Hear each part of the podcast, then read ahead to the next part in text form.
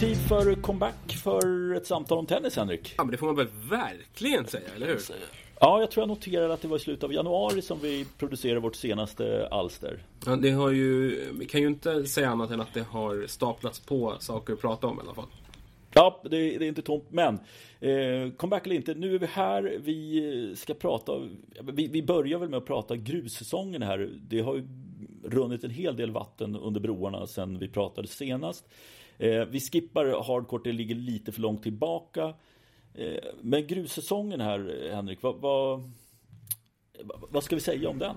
Det vi kan säga generellt sett är väl att det inte är de namn där uppe som vi har blivit vana att se.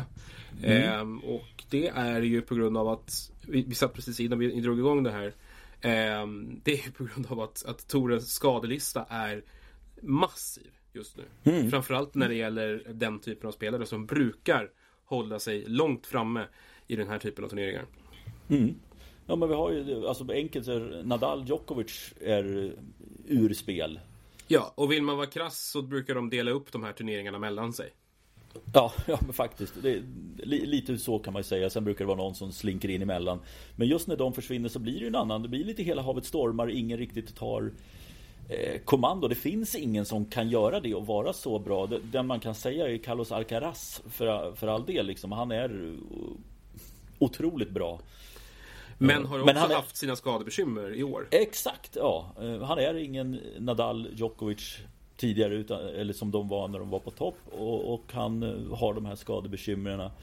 Eh, men, men jag, jag, skulle vilja lyfta honom ändå som en av dem En av dem som är bäst som jag tycker är väldigt spännande. Oh ja, sett till högsta nivå mm. eh, Sett till underhållningsvärde eh, mm. Just nu så är det Alltså jag, jag tidigare pratat om den här Torens stora hopp liksom, framtidsmässigt. Det ja. är ju, jag tycker han bevisar det gång på gång att det är den här killen som är liksom allting ska snurra kring och borde snurra kring liksom eh, de kommande åren. För att han är, han är så otroligt bra. Och han har en publikfriande han, han lyckas på något sätt, till, liksom, på samma sätt som Djokovic och Nadal har gjort, liksom kombinera en publikfriande spelstil med eh, en otrolig intensitet och liksom effektivitet där ute.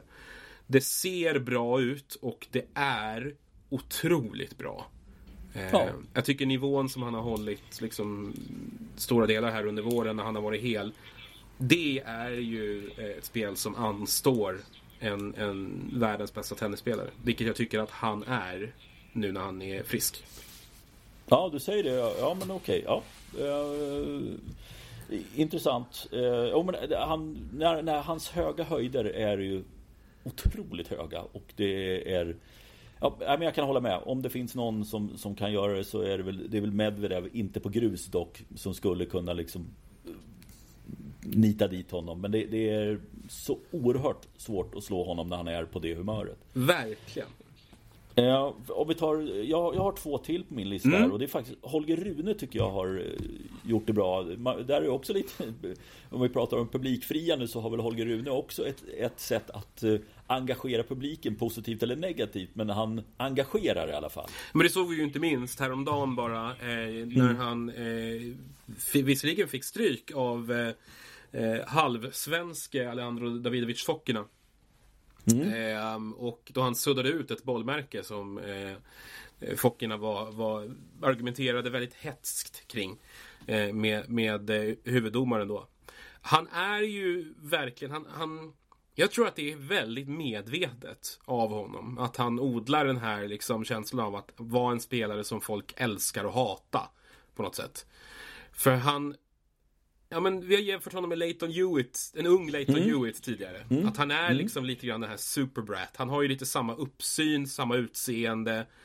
Eh, och men han, han, kan, han kan liksom någonstans jag vet inte, han har gjort det till, till som en del av sin persona på något sätt. Jag, jag, jag, tror att det, jag tror att det är medvetet. Jag tror inte att det bara är något som händer. Nej men jag tror, det finns ju något i personligheten som drar åt det hållet. Och initialt så tänkte jag bara så här, ja, men han är så pass ung så att det är liksom bara en sån här som borstar bort. Men jag, jag, är mer inne på din linje nu att det här, det här kanske är sättet för honom att bygga upp ja, men sin image på det här. Åtminstone de första åren när de kommer upp. Sen så vänder det ju alltid när de blir lite äldre och, och alla tycker om dem. Eh, Ja men han känns ja. liksom lite grann som så här, antagonisten i en high school-film. Liksom. Han, är, han är liksom den här eh, snygga sportfånen som, som liksom har allt och som alla, alla hatar. Eh, det, men han, han, har lite det utseendet och den framtoningen på något sätt. Eh, och jag tycker det är skitkul. Och det är, det är bra för sporten. Men han behövs på riktigt. Eh, just, just av den anledningen. Han verkar inte ha något större problem i att vara det här lilla aset där ute. Det, det, det passar honom bra. Och det funkar ju bra. Han, han, ja. han går ju som tåget. Vi var ju oroliga att han inte skulle klara av att hålla uppe den här nivån. Som han Absolut. visade upp i fjol. Ja. Men, men där har vi fått eh, svar på tal helt enkelt. Så att, jag, jag, jag tycker att det, jag håller med om att han behövs där ute. Eh, och det gör det mer underhållande. Sen måste man säga, sen vet jag inte vad han har fått för lärdomar från fjolåret där. Men när han gick ut efter matchen där så skrev han ju en lång love not hate eh, på sociala medier och tycker jag liksom hanterade den grejen rätt bra efteråt. Eh, och det, det undrar jag om inte han hade fått råd att jo, göra det. Men, men så är det. Nå, nå, lite, lite skademinimering. Och nu efter, efter matchen mot Davidovic Fokkerna så hade han ju ändå liksom kunde han ju ändå gå ut efteråt sociala medier och gratulera honom och bara säga men bra, bra kämpat liksom. Ingen sliter så hårt som du liksom. Så att eh, det, han lägger det på rätt nivå. Tycker jag. Ja. Och det, jag, jag gillar det. Mer sånt. Eh, det, mer sånt. Eh, en som inte har någon eh, större som vi har varit liksom plan A men ingen plan B. Det är ju Andrei Rublev. Mm. Men nu har plan A faktiskt gett betalt. Jag tycker att Andrei Rublev har Dels har han gjort, han gjort många bra matcher får vi säga. Ehm, mm. och, och, Det som vi har repeterat många gånger som sagt. Han har, han har sitt spel. Han kommer till jobbet med det. Han är kanske på en plats där han, där han presterar det spelet bättre än han ja, kanske någonsin har gjort. Framförallt på grus, ska sägas. Mm. Eh, där känns det ju som att det har hänt en del. Eh, tidigare har han ju varit, eh, inte, inte Medvedev specialiserad på, på hardcourt, men det är ju ändå varit hans favoritunderlag. Nu, nu känns det som att eh, det, det, har hänt lite grejer där, uppenbarligen, i och med att han har vunnit en master. Ja, för det, det är ju faktiskt nästa nivå på att göra det. Eh, och, och det tycker jag, och det, man, jag tycker att det syns också att han har växt. Bara på den, att han vinner den så vet han att han kan. Mm. Eh, även på grus. Eh, och, och det är liksom, nej jag, jag måste säga att det, det, ser bra ut nu i alla fall. Ska man, får man säga. Sen får man väl se vad, vad som händer framåt franska. Ja, men, men, i, men i liksom ett under en säsong som vi är inne i nu där många skickliga spelare har fallit bort eller har uppenbara formproblem eller liksom bara inte är där. Då är det ju den här typen av spelare som sticker fram och som vinner titlar och som liksom de här som är konstanta i sitt uppträdande som, som man vet vad man får av och, och som liksom mm. håller sig friska och, och gör allting så fruktansvärt noggrant. Han är, han är ju verkligen en sån. Eh, mm. Kasper Rud lite grann i, i fjol. Nu är, nu är Kasper Rud kanske en spelare som har en, en lite annan högsta nivå. Får vi ju ändå säga. Mm. Men, men eh, en, sån, en sån är han ju. Och, och eh, det, det är svårt att liksom inte bli imponerad av, av sättet som han har spelat på. För att han, han, det vi har sagt det förr, men han, han går till jobbet varje dag. Och gör det förbannat bra i år.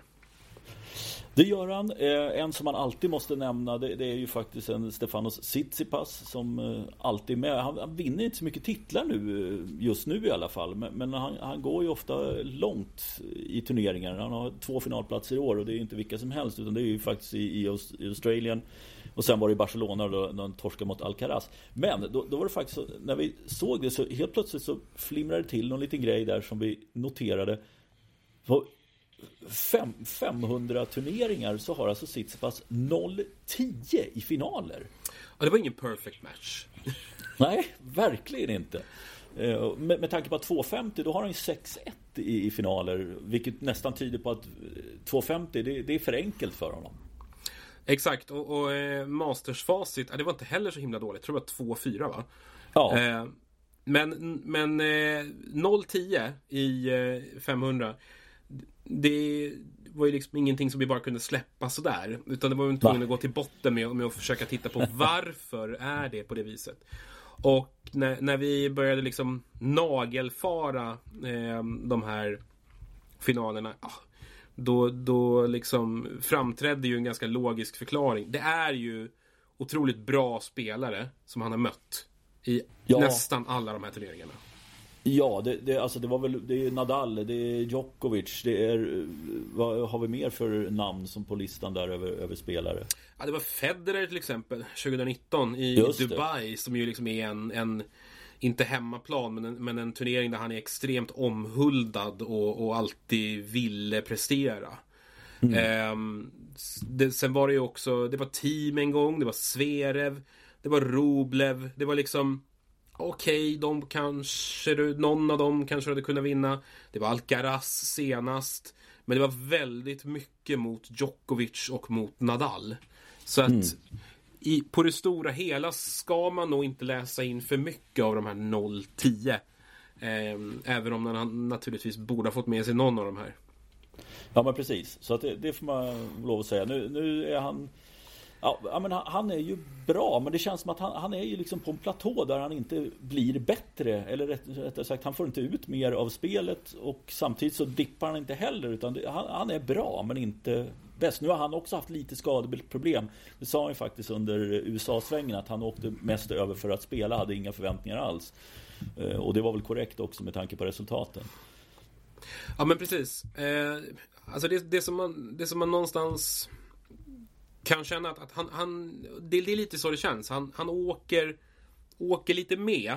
Eh, mm. Utan att liksom toppa egentligen. Eh, men jag, ty jag, tycker ändå på det hela taget. Jag var lite kritisk mot honom i fjol. Tyckte inte att han eh, verkade mentalt vara med i matchen. Jag tycker det är, jag upplever svårt, svårt att liksom sätta någon, någon, någon, någon spelteknisk eh, faktor kring honom som, som skulle ha förbättrats eller försämrats. Men jag, jag, tycker bara att det finns ett lite mer påkopplat mindset kring honom. Mm. Sen är det ju, även om vi inte ska läsa in för mycket i det här 0-10 i 500 så ska man nog titta lite grann på hur många finaler totalt sett som han har förlorat i rad. Mm. Det är ändå fem stycken nu. Eh, ja. och, och, det, är ett, det är ett år sedan han vann en titel snart. Vi går ja. in i maj. Han vann i Mallorca in, upp, uh, inför Wimbledon i fjol. Um, det kan nog vara någonting att kika på. Uh, där kan vi nog vara inne på någon slags Berdych-frossa snart. Uh, ja. det, han skulle nog behöva en titel. Han skulle nog kanske behöva kliva ner och, och, och spela någonting som inte är eh, liksom den absolut högsta nivån eh, för att eh, ja, men, bara, bara, bara säkra en titel. Ja, ja men det är inte orimligt. Vi får se hur, hur han väljer. Ja, framförallt då inför Wimbledon. För här inför franska har man ju svårt att se att han spelar veckan innan. Det gör han inte. Han är anmäld till Rom och sen till franska. Eh, ja. Så att eh, han kommer inte spela mer än så. Nej, det vore, jag tror inte ens, inte ens om man skulle torska tidigt i Rom så tar han ett wildcard till veckan innan. Jag tror inte det. Utan det, det vet han att för att gå långt där så kan man inte spela veckan innan. Nej. Eh, så enkelt var med det. Men du, vi, vi har faktiskt om man tar liksom, det är ju en som vi saknar där, en, en nordbo som vi saknar mm. när det mm. gäller grus här, som inte alls har prickat rätt. Nu ska vi säga, han vann faktiskt i Estoril, så att helt nollställd är han ju inte. Men Kasper Rud har haft det ganska tufft under den här våren. Om, om, man, om allting gick hans väg i fjol så, så är det väl någonstans Om det finns någon rättvisa i universum så har väl den liksom tagit ut sin rätt mot honom i år. Där allting funkar är det nu liksom De här små extra marginalerna De är inte på hans sida. Alltså tittar man övergripande på hans spel den här säsongen. Det är ju inte så att han har genom, liksom, gjort någon, genomfört någon radikal försämring eller testat något som bara ja, inte, inte har funkat. Nej, inte någon Diego Schwartzman-ras. Nej, och, och, det är ju liksom inget, inga allvarliga skadeproblem så vitt jag vet heller. Ja, han har väl den här som han pratade om tidigt under säsongen att det var någonting som har funnits med rätt länge men som han har kunnat hantera. Det var något med magen tror jag om jag inte missminner mig. Ja, okej. Okay. Men, mm. men ändå, han är ju där vecka mm. efter vecka och, och gasar på. Um, men det är ju också eh, bara för att understryka det här med liksom hur saker och ting bara kan liksom tippa lite åt, det, åt liksom det bättre eller sämre hållet och sen bara fortsätta åt det hållet. Jag kikar lite på hans tiebreak-siffror. från i fjol. Mm. Mm. Som jag tyckte var spännande. Han hade 25-13 i tiebreak förra året. Mm, det är det, bra siffror. Det är väldigt bra siffror. I år är det 7-6. Så att det är det, det, är ändå, alltså det, hans tiebreak-siffror i år är ingen katastrof på något sätt. Nej, nej. Men där ser man ju i fjol på hur många matcher, alltså hur många matcher kan han ha vunnit bara på de siffrorna? Det handlar ju ändå om en, ja men fyra, fem kanske. Ja, en handfull. Ja. Eh, som kan ha avgjorts bara på grund av de siffrorna. Mm. Och liksom plockar du bort dem här under en säsong, ja men, men det, det, det är ändå ett antal poäng som försvinner där. Sen är han liksom lite lite sämre i, i, i stort sett de flesta kategorier. Men, men det är liksom inget dramatiskt ras. Men det är också en spelare som ju inte har några tydliga vapen. Som är extremt ospektakulär. Som grundar hela sin spelidé på ett enormt hårt arbete. På noggrannhet och på ett taktiskt upplägg som ska funka. Alltså, det är så mycket som krävs för att det spelsättet ska generera i allt det som han lyckades med i fjol. Ja. Och man kan inte på något sätt begära att det ska se ut sådär år efter år. Att han ska liksom pika topp tre på världsrankingen. Nå, nå flera Grand Slam-finaler. Det kommer ju, det kanske kommer ett sånt år igen. Men det kommer ju inte vara så att varje år ser ut så. Ingen Nej. orkar jobba så hårt med den nu måste man verkligen se till sammanhanget begränsade talangen som han ändå har. Alltså det är ju naturligtvis en magiskt bra tennisspelare. Ja. Men, det, men det är ju inte den här liksom Ja men det är inte spetsen. Nej, alltså det är ju inte Federer gudagåva liksom gjord för att spela tennis-talangen. Så är det Nej. ju inte. Han är ju en produkt av hårt arbete och liksom väldigt gediget taktiskt kunnande. Att han, att han ger allt och att han vet vad han ska göra där ute. Snarare än att han liksom är den här naturbegåvningen. Ja. Eh, nej, nej, men det, det, är lite om, om man tittar man här hur han hade i fjol. Eh, så är det inte, han var, de, de fyra master som eh, är fram hit eh, inför, ja, eller tre då. Tar, ja, faktiskt Madrid torskan han samma som i fjol. Han har ungefär samma resultat. Skillnaden var att han var i final i Miami i fjol och i år var det bara tredje rundan. De andra tre Masters-turneringarna så är det samma nivå han var faktiskt på i fjol. Sen ska sägas att det har ju varit mer under sommaren och sådär som han var som bäst i fjol sommar, tidig höst. Ja, det började ju hända på allvar där i, i, i, samband med franska och sen rullade det ju liksom bara på. Ja. Så men, det, men eh, just nu på racet så är han ju utanför topp 20. Ja. Och det är ju inte, var, inte så det var tänkt. Nej, verkligen inte. Det, det, tror jag att där var nog bågen spänd högre än så. Eh, nu finns det några som säkert kommer rasa igenom senare också. Men samtidigt så måste han eh, prestera också Rud. Jag tror att det är jävligt tufft att ha en finalplats i franska och försvara till exempel. Den, den är nog svår att, att, lägga in i kalkylen för att han ska eh, liksom svara i år också på. Nej men så är det ju. Och eh, ska vi vara krassa så är det väl väl, väldigt svårt att se att eh, Rud håller sig kvar topp 5 eh, när den här sommaren är slut. Han kommer nog snarare vara nere någonstans 8, 9, 10. Ja. Eh, rimligt. Eh, du hade även noterat Ogier Aliasim va, som eh, haft lite skadbekymmer också. Ja men det är så märkligt. Ja, vi, när vi gjorde vårt första eh, avsnitt för säsongen så, så pratade jag om att ja, men nu, nu, nu kan det hända mer. För han var bra i fjol. Han, han mm. bröt ju den här eh, turneringssegerfrossan. Mm. Äntligen. Han hade en jättefin säsong, fått hjälp av Tony Nadal. Jag bara känner, känner att nu, nu är det dags. Nu kan vi kan ta det här ett steg till. Vi kanske kan börja hota om slams. Nej, det såg man redan i, det såg man redan i, i Australien tycker jag. Eh, ja.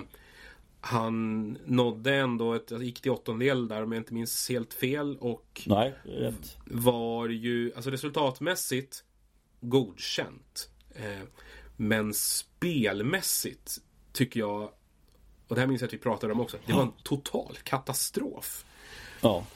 Och det är, alltså, och, och något så liksom grundläggande som, som, alltså, som timing kändes det som egentligen. Mm. Mm. Uh, och det, nej, men det, det, var inget för att han, han åkte mot Lehertska där i, yes. i, Australien. Och sen, visst, sen fortsatte han var i kvarten i Indian Wells. Men sen har det varit Spelade inte Monte Carlo en tredje runda i Miami, åkte direkt i Madrid. Så att, ja, det, det finns en hel del frågetecken kring honom och, och vad, vad som försiggår med honom. Men eh, hade inte, för jag tänker så här, spelmässigt, nej men självförtroende tyckte jag man såg. Men du hade liksom hittat någon liten grej som var eh, en väsentlig skillnad. Ja, men jag, jag synar lite på, synar lite hur eh, eh siffrorna ser ut för honom. Alltså vad, vad gäller vad gäller ett par kategorier. Han, han lever ju gott på sin serve. Han har, han har ju en bra one-two punch. Han, han, är ju mm. Han är stor och stark och täcker banan väldigt bra. Men han har, han har inte riktigt fått han har inte riktigt fått den utdelningen i år. Eh, framförallt så, och det grundar sig framförallt i att han har svårt att få in första serven. Den har droppat, i fjol var den jättehög. Han var, låg nästan på 65% på, mm. på tournivå. Eh, men han droppar ner till 58 i år det, det, kanske inte låter så mycket när man hör det. Men, men det är mycket. När, man, när en så stor andel av de totala poängen som man vinner eh, ja. kommer just av att första servern sitter. Mm. Där är han ju liksom en av de absolut bästa. Och, och, när han när, när, den, när den väl gör det, då är, då är det business as usual för honom. Då, då, då håller han sin server som han ska. Men, men den, den gör inte det. Den, den sitter inte på samma sätt. Eh, antalet dubbelfel har ökat lite grann också. Men framförallt så är det första servern som inte sitter. Den, han har börjat bomma den. Och sen har han alltid varit lite svagare än, än liksom övriga toppkonkurrenter i returgamen. Han har ingen liksom han är inte överjäklig på att sätta bollen i spel eh, när han inte servar. Och det har, det har också försämrats lite grann. Men, men han verkar ha tappat lite självförtroende i första serven. Eh, den, den, sit, den sitter inte riktigt. Nej, men det, det är, och det är väl sånt man kan se över längre tid också när man inte gör resultat. Att det är den att man gör en dålig turnering med, med, med att servern inte funkar, absolut. Men sen, som du säger, för det här det är så pass stora siffror får man ändå säga. Trots att det inte låter som att det är stora så tycker jag att det är ganska mycket med tanke på hur många servar som hanteras under matcherna. Ja, och, och nu känns det som att det har liksom lite grann satt sig i skallen. Alltså torsken mot Lajovic här nu senast. Mm. Känns ju som lite av ett, av ett lågvattenmärke. Mm. Ja, då, ska, då ska vi säga att Lajovic är ju Lajovic är, har varit skitbra på slutet. Mm. Alltså det ska ingen ta ifrån honom. Men, men här, här känns det som att han började chansa ganska vilt. Han slog mer dubbelfel än han någonsin gjort alltså under hela säsongen.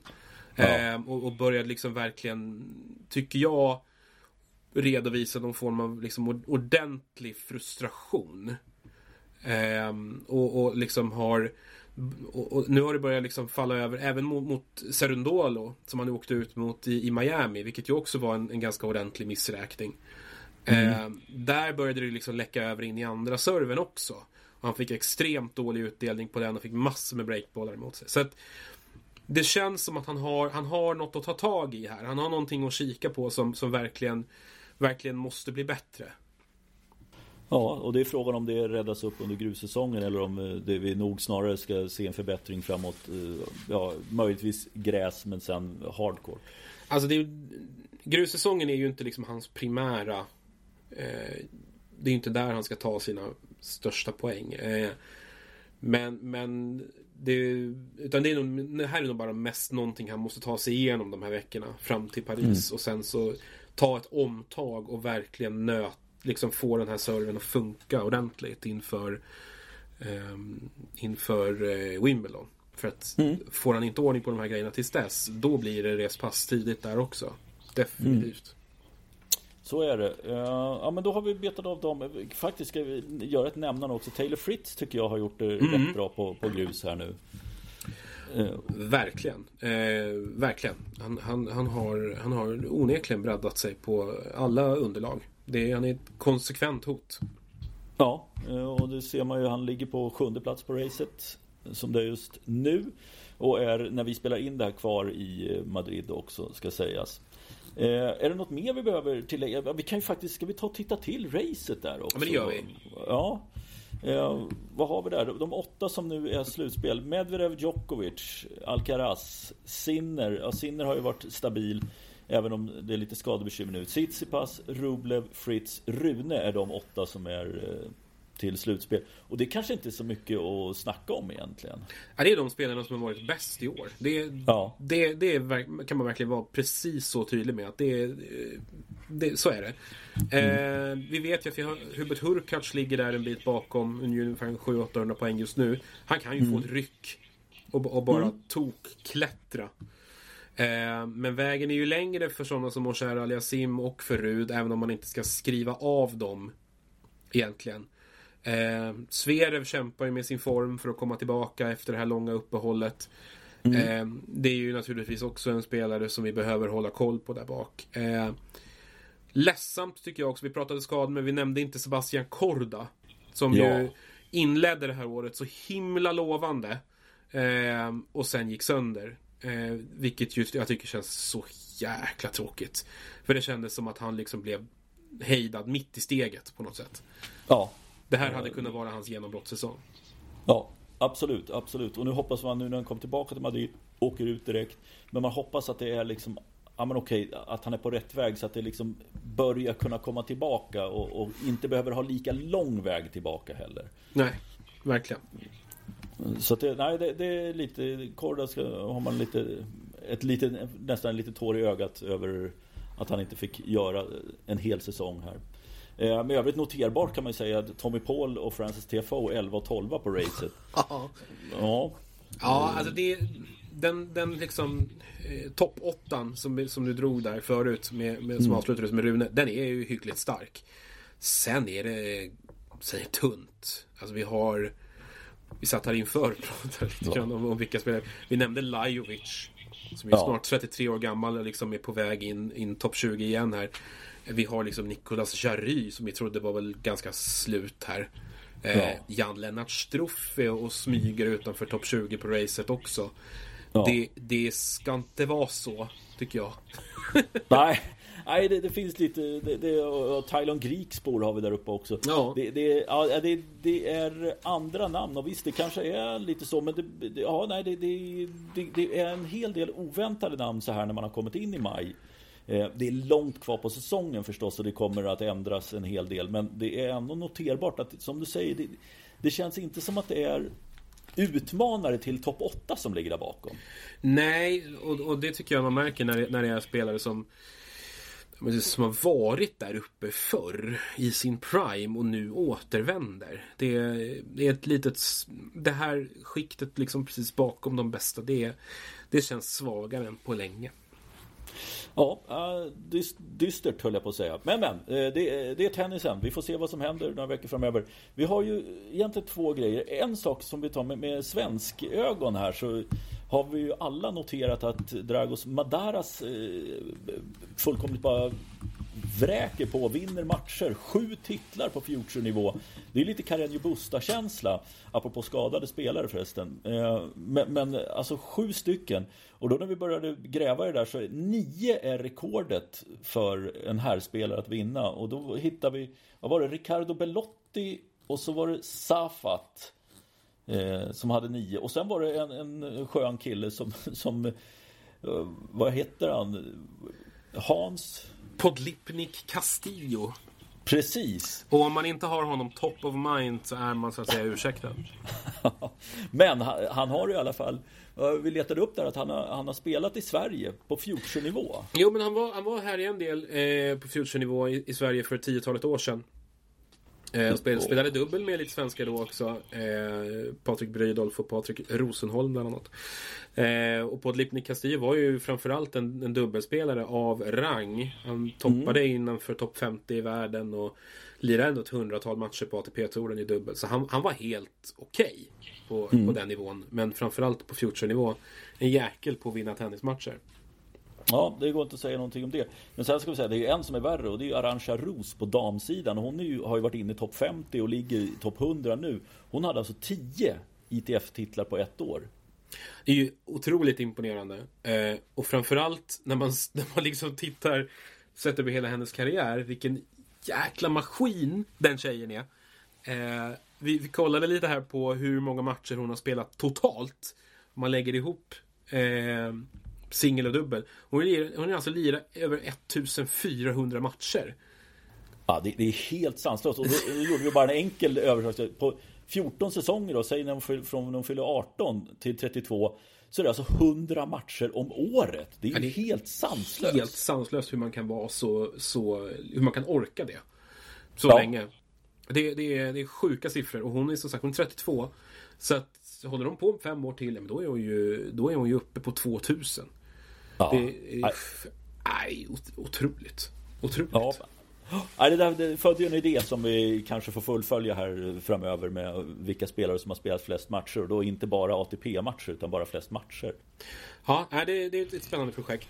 Men, ja. men eh, Dragos då? Eh, ja. han, har ju, han har väl sagt skämtsamt att Ja men 10 10 titlar vill jag ha i år. Eh, ja, men jag, jag, undrar om det inte blir lite så när, när det har gått så pass bra att ja, men, han ska ju egentligen upp nu och, och liksom kriga mer inne på, på Challenger-touren. Men när du har kommit så här långt att det kanske är liksom mer att ja, men fasiken, här, här kan ju jag göra mitt märke i tennisvärlden och faktiskt ja, men, få någonting för eftervärlden höll jag på att säga. Ja men, eh, men exakt, alltså det är ju det är svårt att göra, som du säger, att göra eh, någon slags liksom bestående avtryck när man är på den nivån. Ja. Eh, och jag tycker han, han ändå liksom har, har rätt, rätt approach till det. Men nu, fan nu kör vi! Nu får vi se hur det går. Men, men det tydliga målsättningen verkar ju ändå vara att ta sig in i Grand Slam-kvalen. Och att det, mm. det, det, är den här vägen han har bestämt sig för att ta. Nu är han visserligen anmäld till en eh, Challenger här om ett par veckor. Mm. I Nordmakedonien. Skopje.